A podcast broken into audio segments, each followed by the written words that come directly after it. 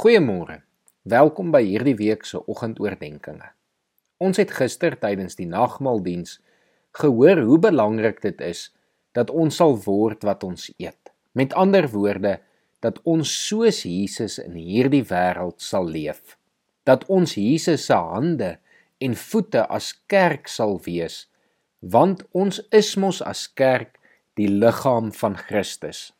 Daarom wil ek hierdie week met jou gesels oor hoe ons sy liggaam kan wees. Hoe ons Jesus se voorbeeld kan navolg.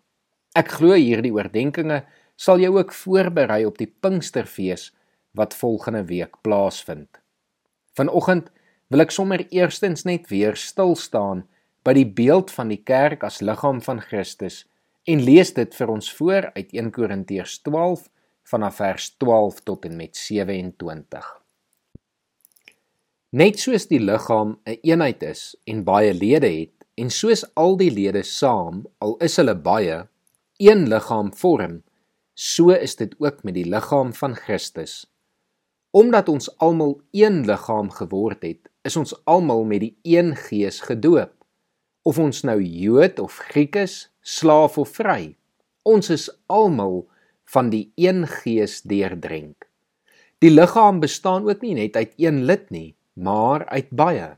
As die voet sou sê, omdat ek nie 'n hand is nie, is ek nie deel van die liggaam nie, hou hy om die rede tog nie op om deel van die liggaam te wees nie. En as die oor sou sê, omdat ek nie 'n oog is nie, is ek nie deel van die liggaam nie, hou hy om die rede eweneens nie op om deel van die liggaam te wees nie. As die hele liggaam oog was, hoe sou hy kon hoor? En as die hele liggaam oor was, hoe sou hy kon ryk?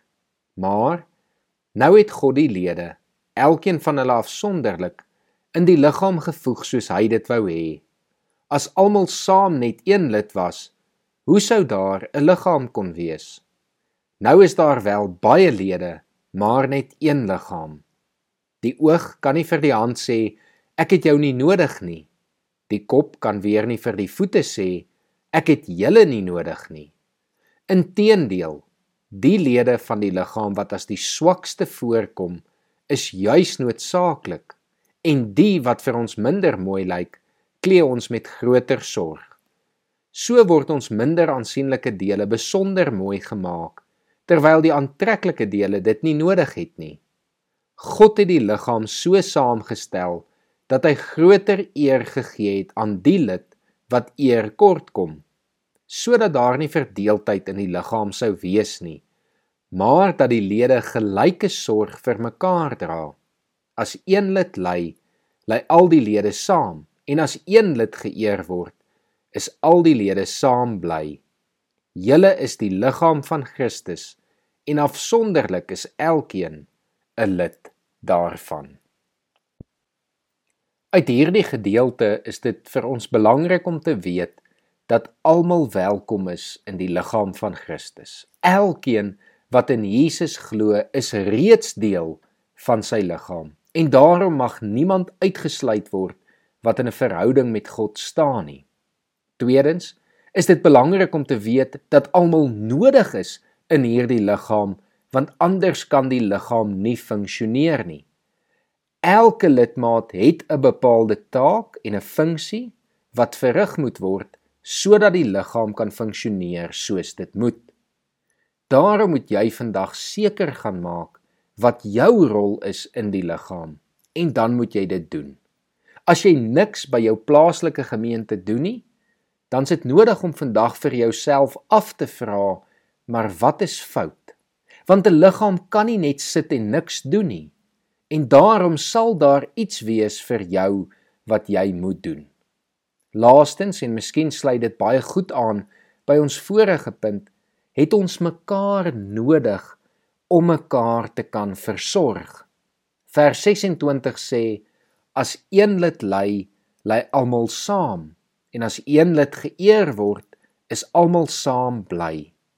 Die liggaam kan dus net funksioneer as ons mekaar help en saamwerk. Vers 25 sê dat elke lid lidmaat gelyke sorg vir mekaar sal dra.